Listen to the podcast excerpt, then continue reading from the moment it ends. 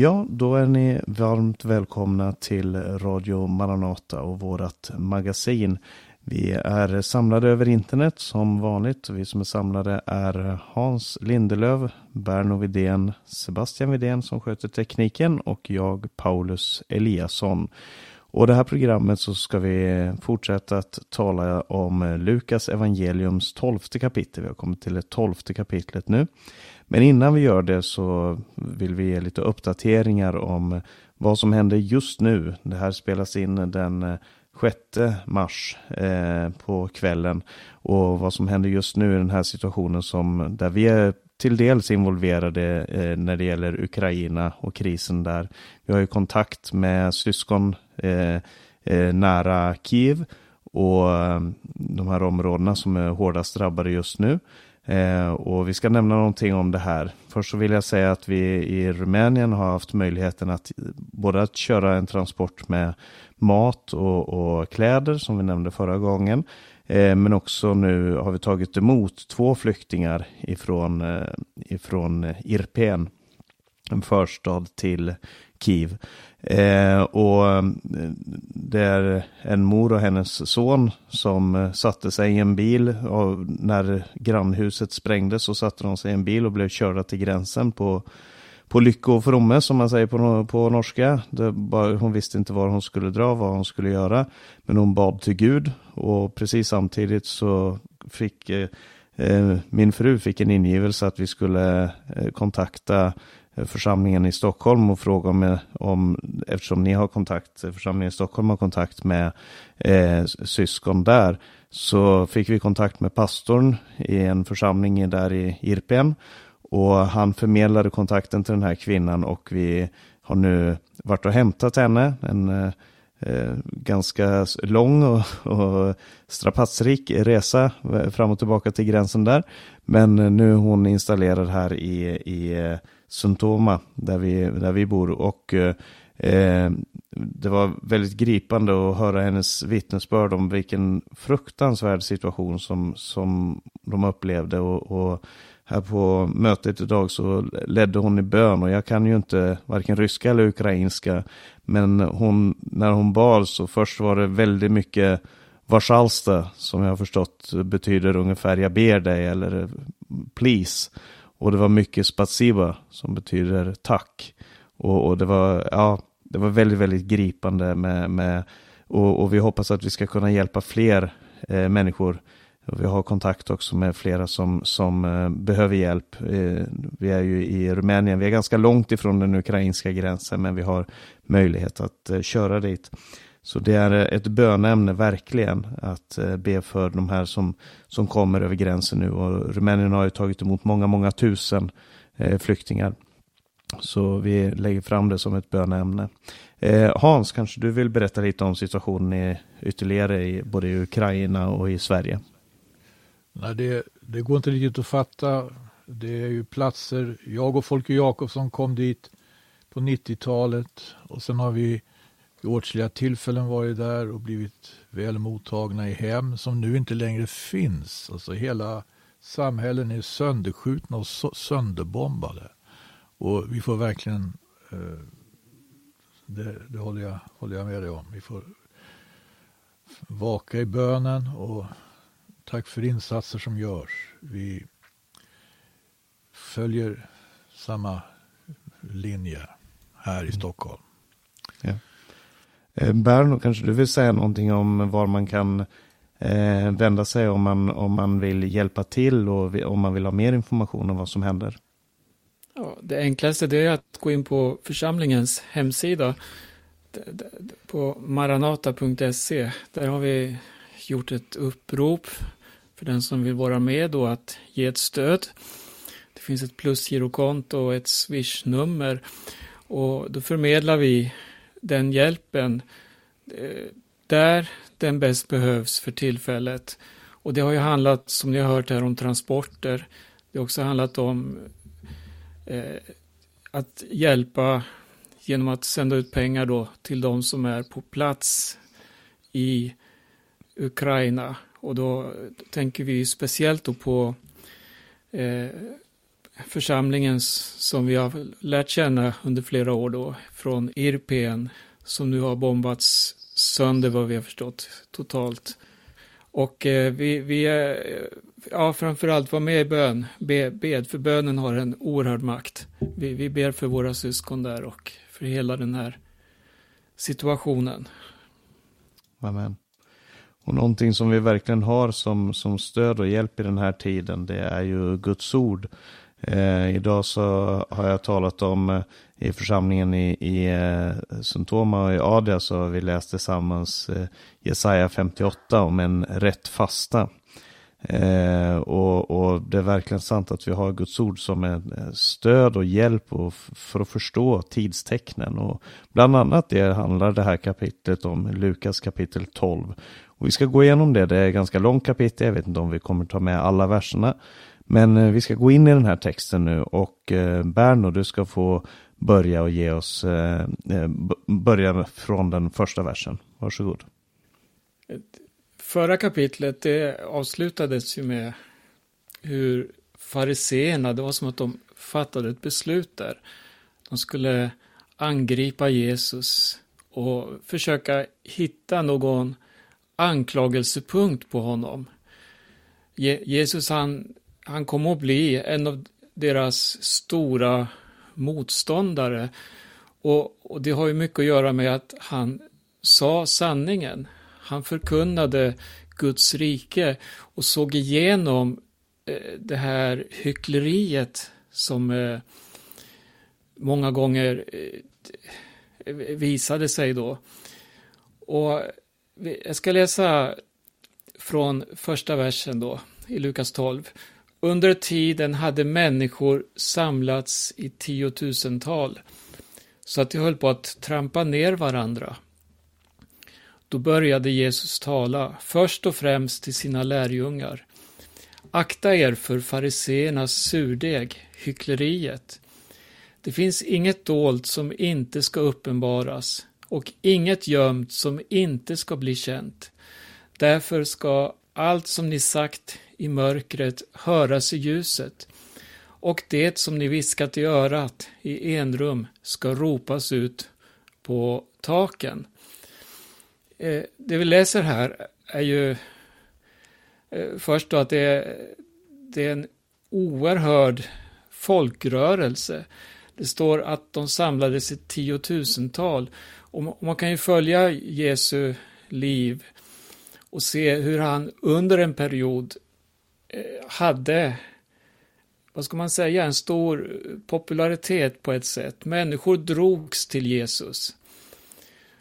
Och han, men här börjar han tala på ett sätt eh, just om det här som inte är det jordiska och det här eh, han, när han varnar då för fariseernas surdeg och hyckleriet så, så, visar han på att det finns faktiskt värden som är så mycket större. Det är ingenting som vi eh, kan vinna på att vara hycklare, utan allt kommer att uppenbaras. Det hjärtat är fullt av talar munnen och så vidare. Eller där ditt hjärta är, där kommer din skatt att vara. Eller tvärtom. Ja, men hur som helst, det, det, det, det, det som är det är att Jesus han, han går in på djupet och han, han lyfter fram de här sanningarna som, eh, som folket behövde höra. Jag vill läsa vers 4. Till er mina vänner säger jag, var inte rädda för dem som dödar kroppen och sedan inte kan göra mer. Jag ska visa er vem ni ska frukta. Frukta honom som har makt att döda och sedan kasta i Gehenna. Ja, jag säger er, honom ska ni frukta. Och jag, jag kan inte låta bli att när jag läser det här så, så går mina tankar till alla människor som på olika sätt får utstå lidande, som nu, människor befinner sig på flykt. De som på grund av krigets fasor då måste ge sig iväg. Och det, det, finns många fiender som på olika sätt kan plåga och förfölja. Och det här, det här är ju helvetiska kval som människor går igenom. Och Eh, Jesus varnar många gånger just för att, att det här kommer ni att få möta, men ni kommer att få möta det för evangelisk skull. Men, men, men just det här att Jesus, han säger så här, var inte rädda för dem, för det finns någonting som är ännu mycket mer allvarligt. Ännu större. Och just det här att frukta Gud. Det finns värden som står över allt och som också är större än all den ondska som vi kan se på jorden. Någonting som, just det här att en dag så kommer Guds rättfärdighet att visa sig fullt ut. Och jag tänker, just det här att vi, att vi, att vi får finna, att vi får eh, får ha Kristi sinnelag i allt som vi gör, även under förföljelse, även under svårigheter. Och det, det står så här i vers 6 nu då, säljs inte fem sparvar för två kopparmynt och inte en enda av dem är glömd inför Gud. Ja, till och med alla hårstrån på ert huvud är räknade. Var inte rädda. Ni är mer värda än många sparvar. Alltså Gud vårdar. Gud har omsorg om sina barn.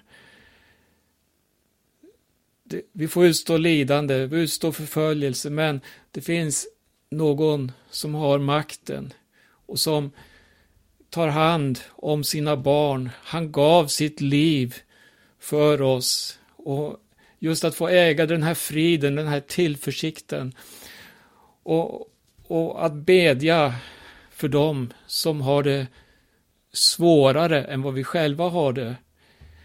Och tänker jag nu speciellt igen då på de som är på flykt. Vers 8. Här fokuseras det kring Jesus själv. Jag säger er, den som bekänner mig inför människorna ska också Människosonen bekänna inför Guds änglar. Men den som förnekar mig inför människorna ska bli förnekad inför Guds änglar. Var och en som säger något mot Människosonen ska få förlåtelse, men den som hädar den helige Ande kommer inte att få förlåtelse. För mitt namns skull, sa Jesus vid andra tillfällen. Alltså, han, han talade om vad ni kommer att få utstå för mitt namns skull. Och här handlar det om att bekänna Jesus inför människorna det, det, det är ett spänningsfält och det här märker vi i, i, i vårt land idag, just när man lyfter fram namnet Jesus. Det är som en eh, oerhörd, eh, ja, ska man säga, ett, någonting som åtskiljer. För att Jesus, när han står där, då är han sanningen. Hans ord är sanning. Hela hans person är sanning. Och just att få lyfta upp namnet Jesus som en, som en eh, omutlig sanning i, i dessa dagar, som en grund att stå på. Det skapar verkligen också fiendskap på sätt och vis. Men, men eh, det, det är namnet som människor behöver få möta. Bekänna Jesus inför människorna är det något av det största man kan få göra. Eh, vers 11. När man ställer det till svars inför synagogor och myndigheter och makthavare, var då inte oroliga för hur ni ska försvara er eller vad ni ska säga. Den helige Ande kommer i den stunden att lära er vad ni ska säga. Jesus säger inte så här om ni ställs till svars, utan det är ett konstaterande. När ni ställs till svars inför synagogan, och myndigheter och makthavare. Det är en konflikt alltså som råder. Och Jesus sa så här i Apostlagärningarna, första kapitlet. Han, det här var angeläget. När den helige ande kommer över er ska ni få kraft att bli mina vittnen.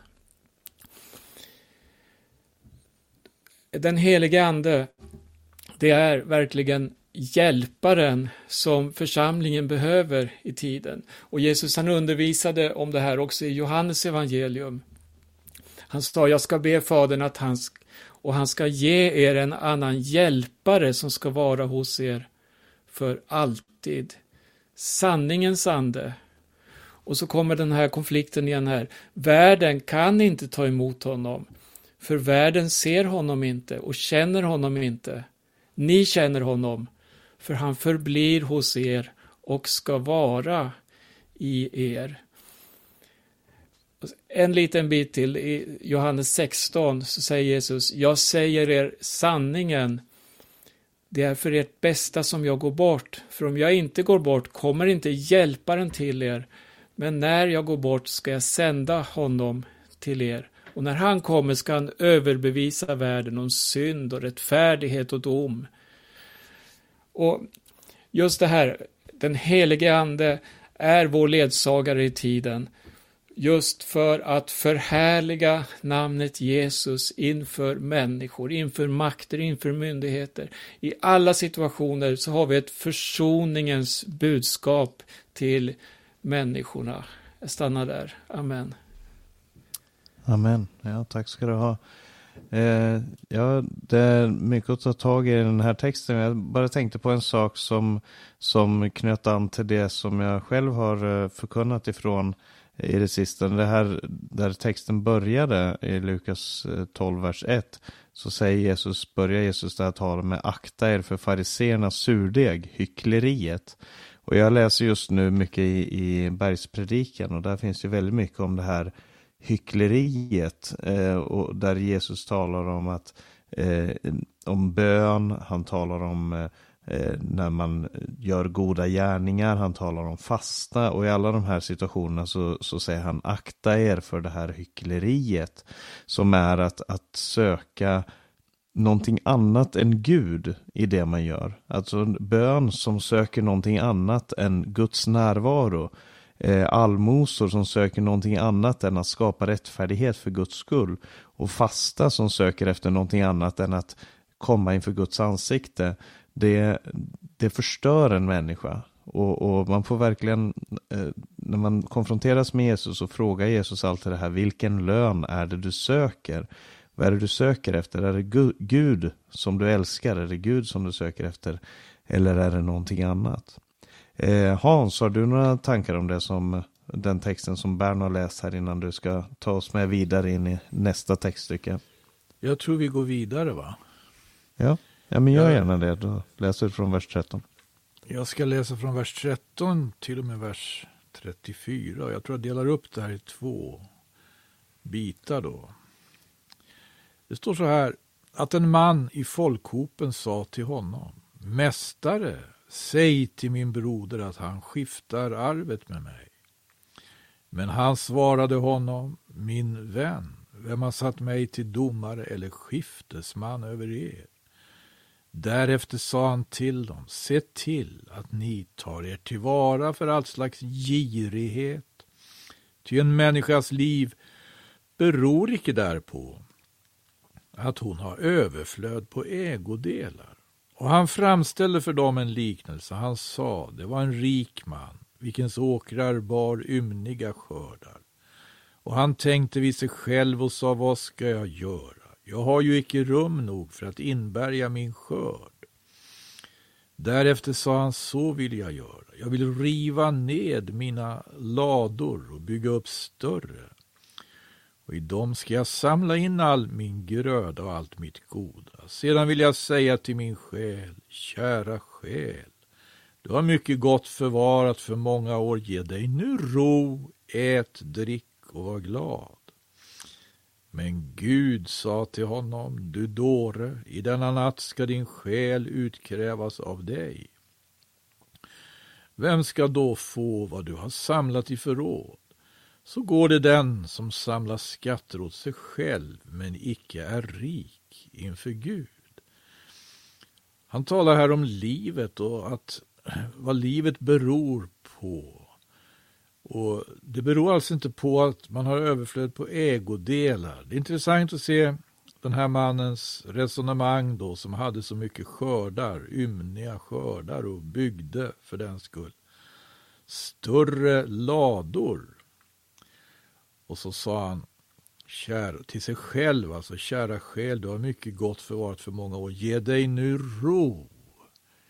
Ät, drick och var glad. Alltså, det här skulle så att säga ge ro. Det strider ju mot en föreställning som vi som finns djupt i skriften faktiskt. Om vi går till Ordspråksbokens 17 kapitel kan vi läsa första versen där.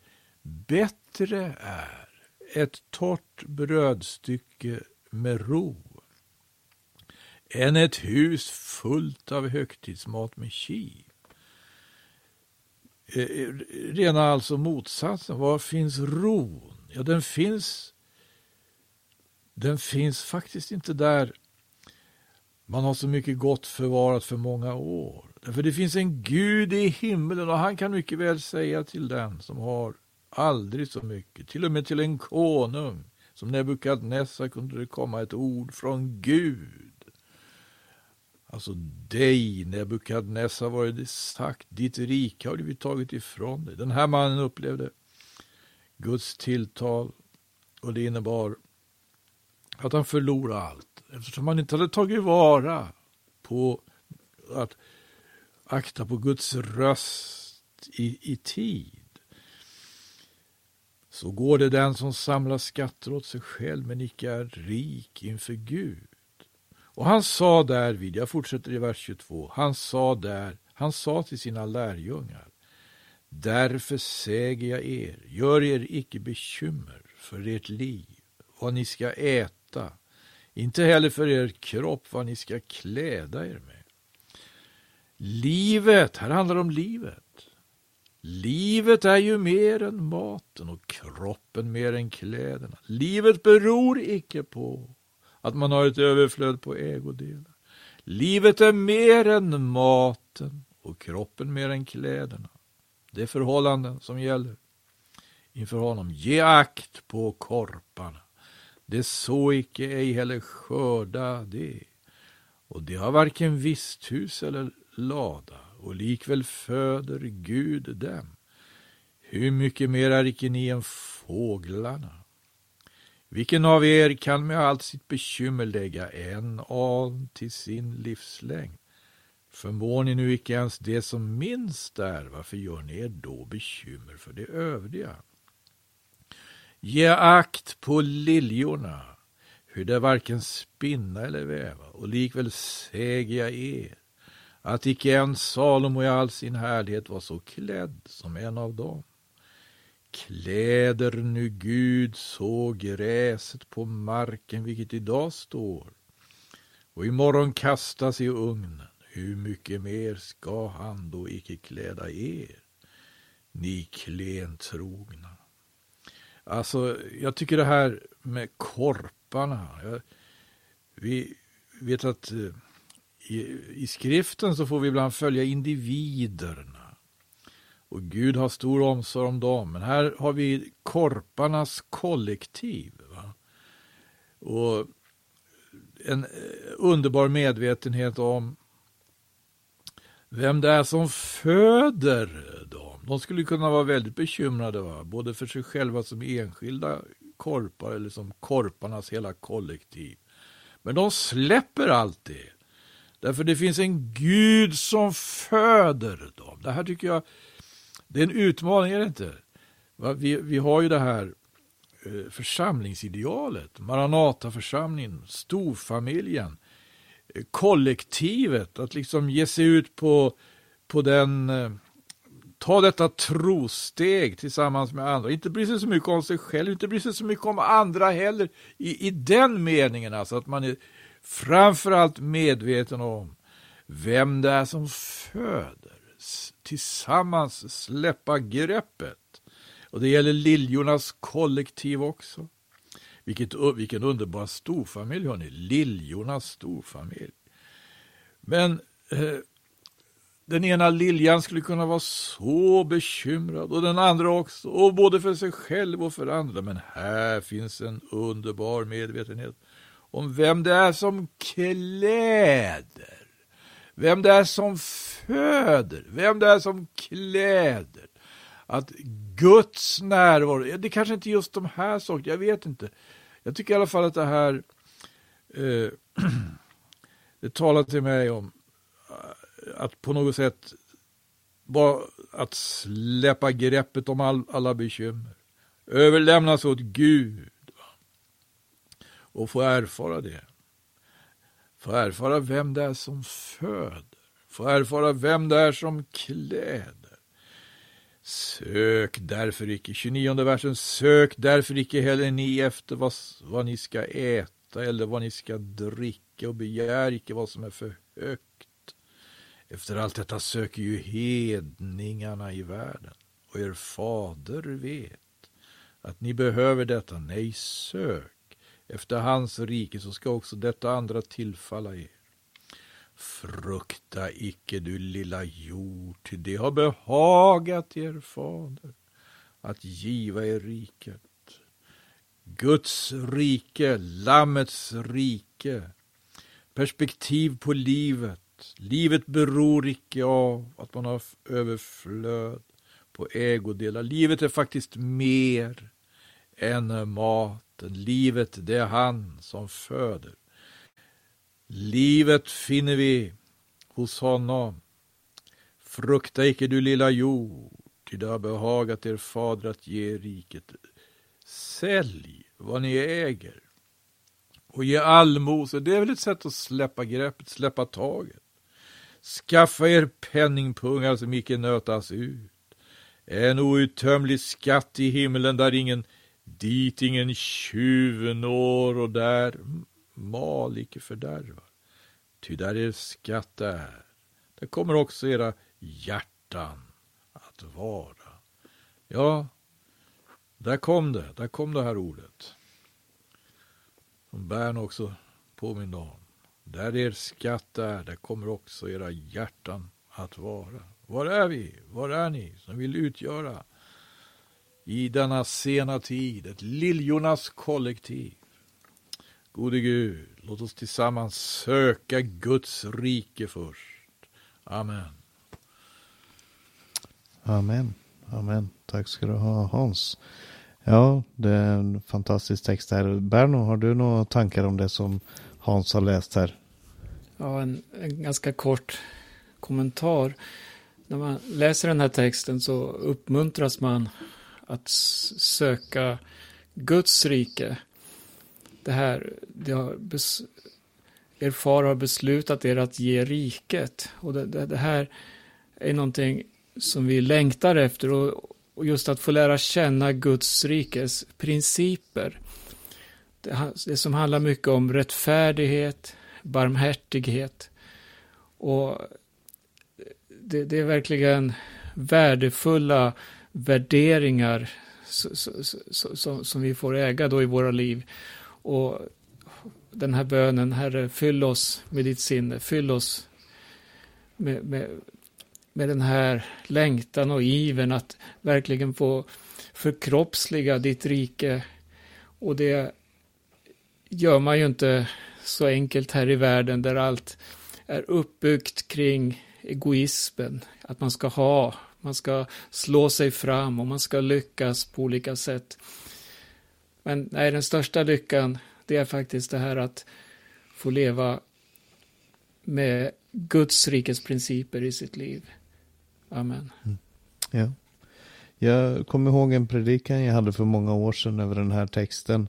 Och, och där la jag märke till det här som, som sker i vers 19 där den här eh, i Jesu liknelse om den rike mannen och hans åkrar som hade gett god skörd. Och så den här eh, avslöjande bönen eller samtalet, dialogen som man har med sig själv. Sen ska jag säga till min själ, kära själ, du har samlat mycket gott för många år.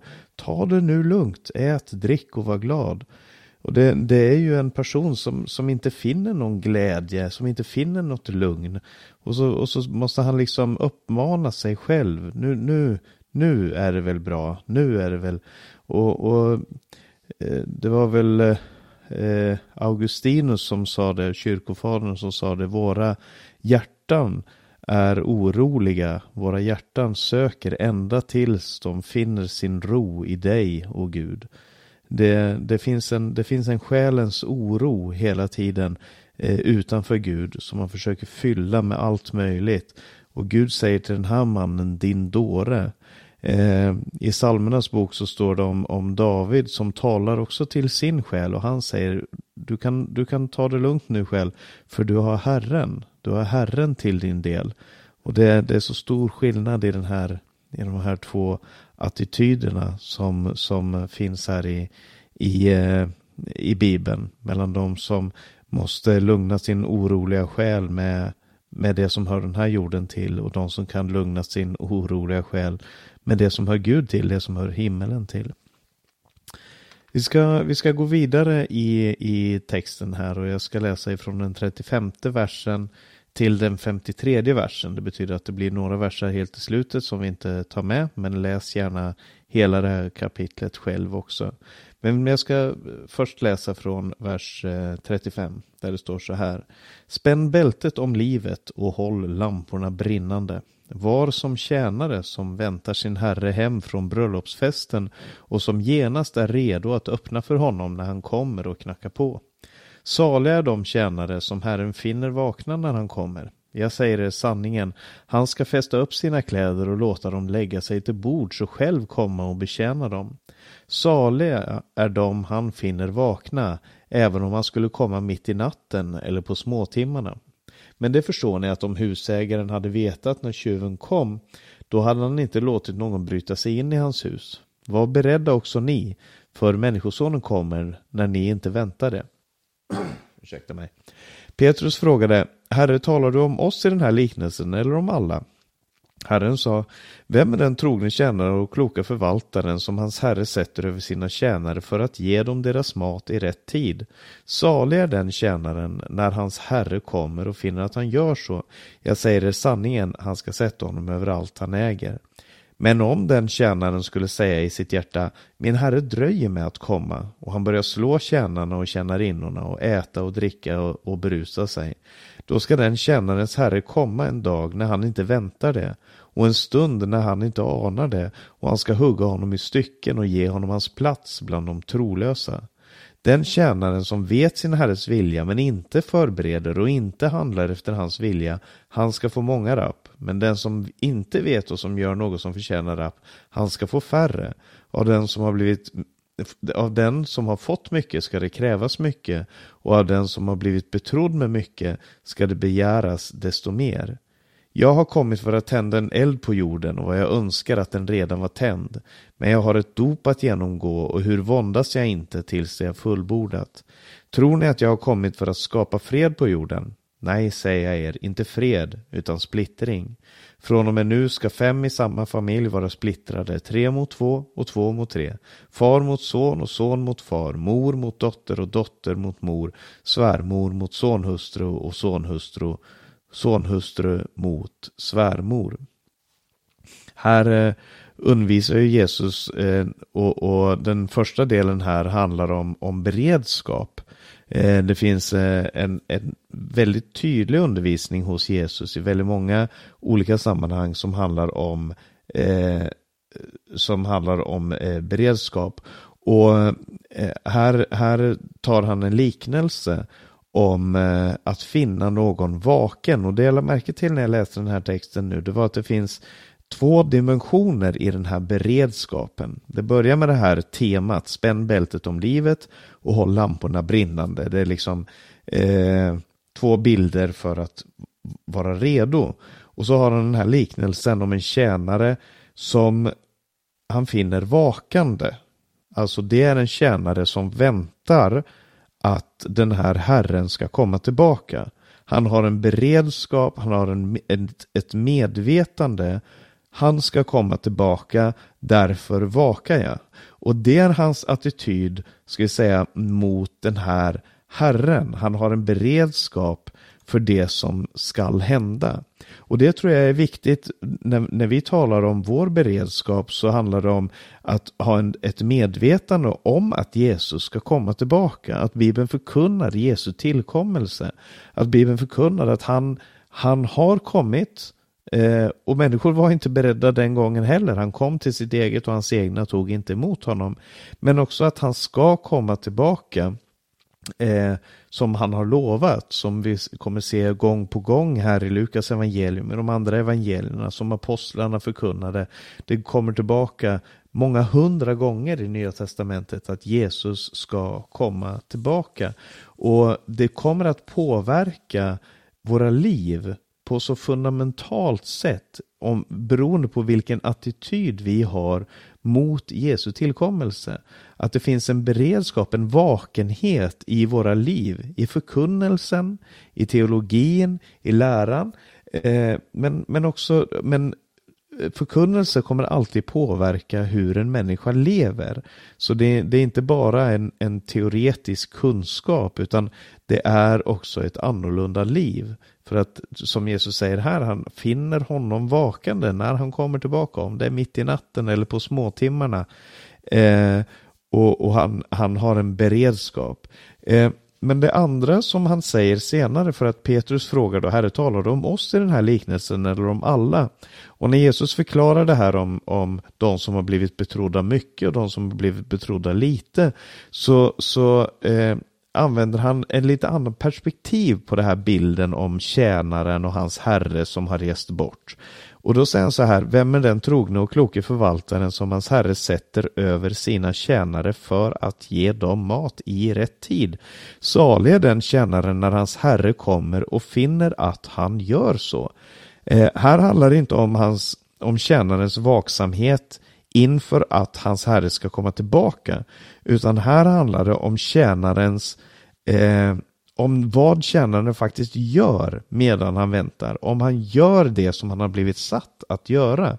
Och så Det handlar inte bara om förkunnelsen, läran, att ha saker och ting klart för sig. Jesus ska komma tillbaka, det är sant. Jesus kommer snart, det är sant. Eh, en beredskap, en, en förkunnelse som baserar sig på det här om att Jesus ska komma tillbaka, en medvetandegörande som behöver finnas i församlingen om att Jesus kommer snart. Det är helt sant. Men det finns någonting mer och det är det här att han har satt oss till att göra en tjänst här på jorden. Och det, så i, i vers 42 så säger han sal, han säger för att ge dem mat i rätt tid. Salig är den tjänaren när hans herre kommer och finner att han gör så. Alltså det att tro på Jesu tillkommelse, vänta Jesu tillkommelse, förkunna Jesu tillkommelse är inte en ursäkt för att inte göra någonting annat för att inte göra sin tjänst. Det är en kallelse till tjänst. Att ha Jesu tillkommelse, världens ände eh, och, och, världens, faktiskt världens upprättelse som för ögonen, alltså framtiden för ögonen, gör inte en människa inaktiv, eller borde i alla fall inte göra det. För att om Herren kommer tillbaka och finner att ja, ja, du har väntat, du visste att jag skulle komma tillbaka, men du har inte gjort det som jag satt dig till att göra. Och det som Gud som Herren i den här situationen har satt sin tjänare till att göra, det är att hjälpa sina medtjänare.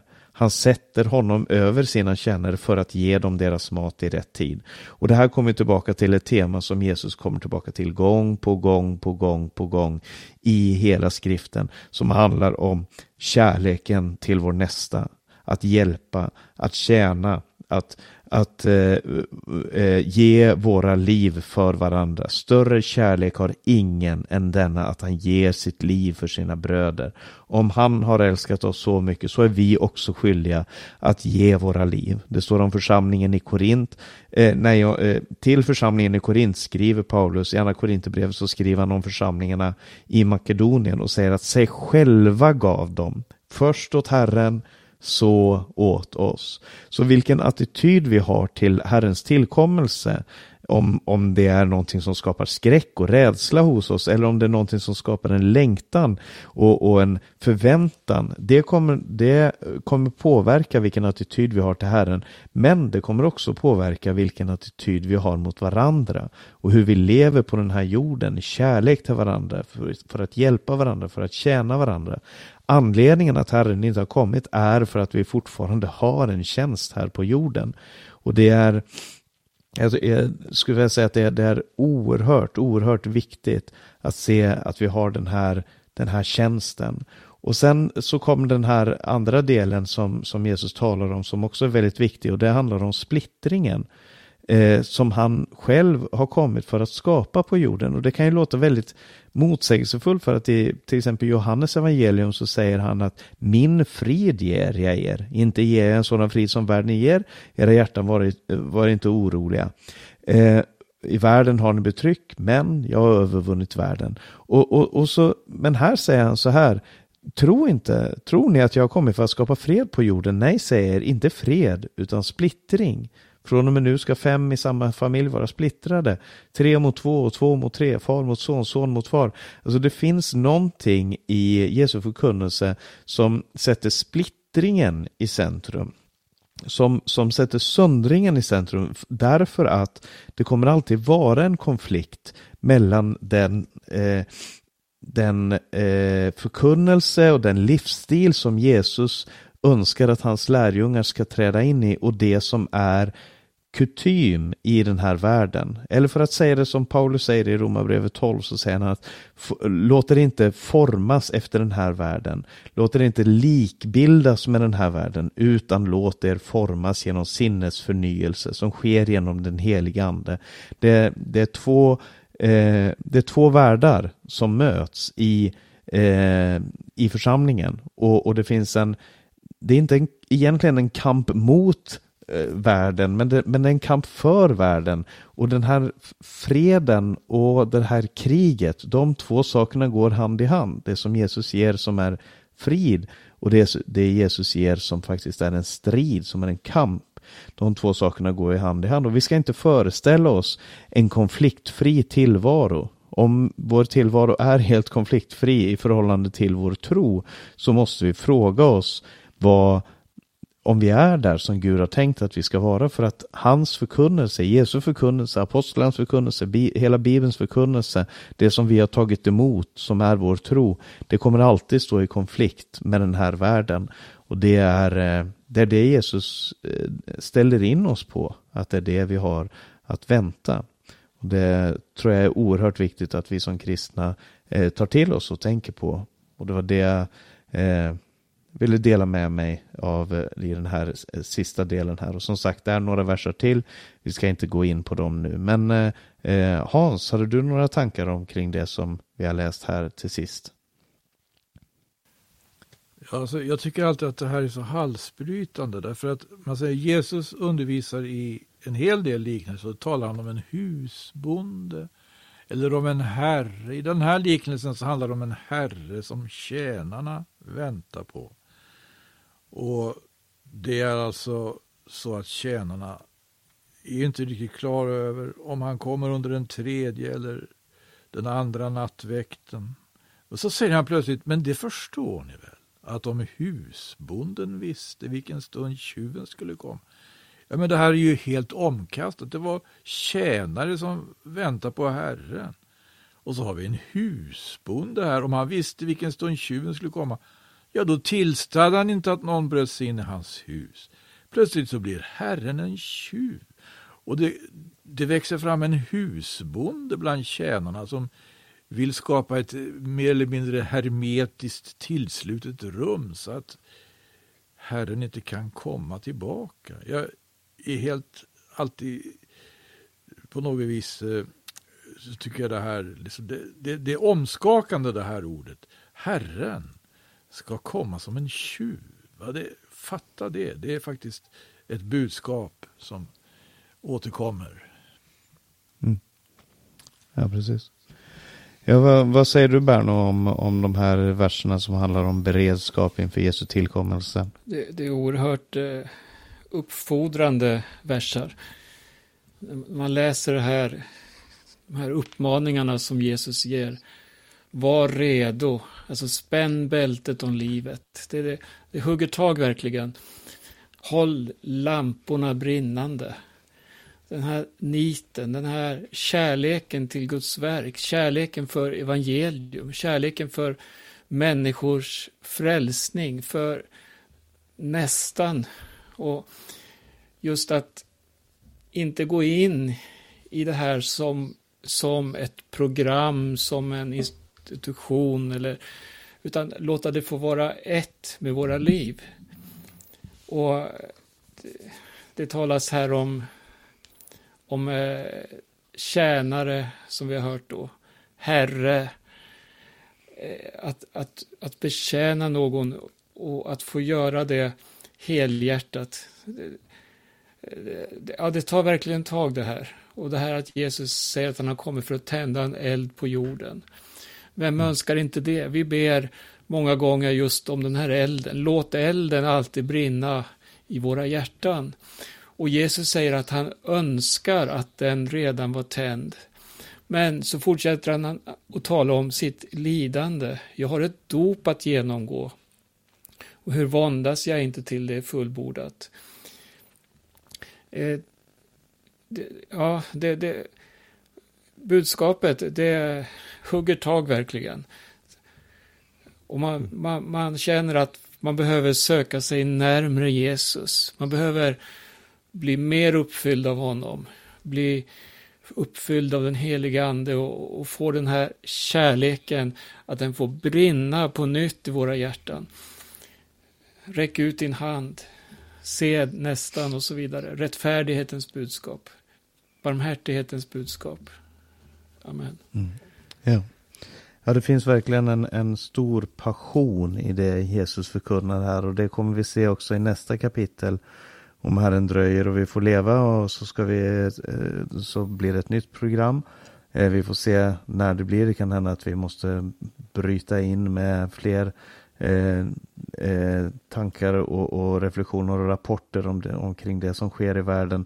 Men eh, när vi kommer tillbaka till Lukas 13 så handlar det om Jesus som har varningar till Israel som handlar om deras omvändelse.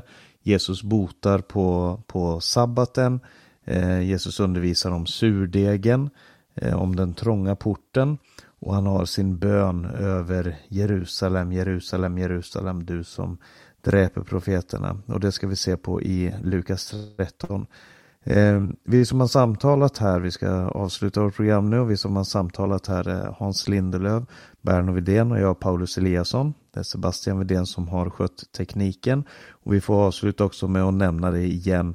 Gå gärna in på maranata.se och se information om vad som sker i Ukraina. Vi har alltså syskon där som vi har haft kontakt med under, under längre tid och som nu lever eh, mitt under de allra, allra värsta omständigheterna. Eh, själv är jag i Rumänien och vi försöker hjälpa människor härifrån eh, med det vi kan syskonen i, i Stockholm och Långshyttan i Sverige hjälper syskonen i Ukraina så, så gott vi kan och de människor som vi kommer i kontakt med. Eh, det finns också möjlighet om du vill vara med och gå in på Maranatas hemsida och läsa mer om det här. Får jag flika in en sak ja. bara? För det finns också på hemsidan då länkar till väldigt aktuella radioprogram. Förut, förutom det här magasinet då som vi har på måndagkvällar Eh, det finns program med Yngve Stenfeldt, Hans Lindelöf, Tage Johansson som lyfter fram just de här aktuella händelserna i Ukraina och mm. vad Bibeln säger om, om det som sker. Det, gå in där och lyssna på de här programmen. De ligger under Maranata Podcast. Mm. Och jag håller också på att förbereda ett program som kanske kommer en gång i nästa vecka om, eh, om pacifism i ljuset av det som händer här. Om vapenvägran och pacifism och det här som vi nämnde någonting om också i förra måndagsprogrammet. Så vi, vi fortsätter att, att, att belysa de här eh, världshändelserna och, och aktuella händelserna i bibliskt ljus. Men vi önskar Guds rika välsignelse och eh, på återhörande.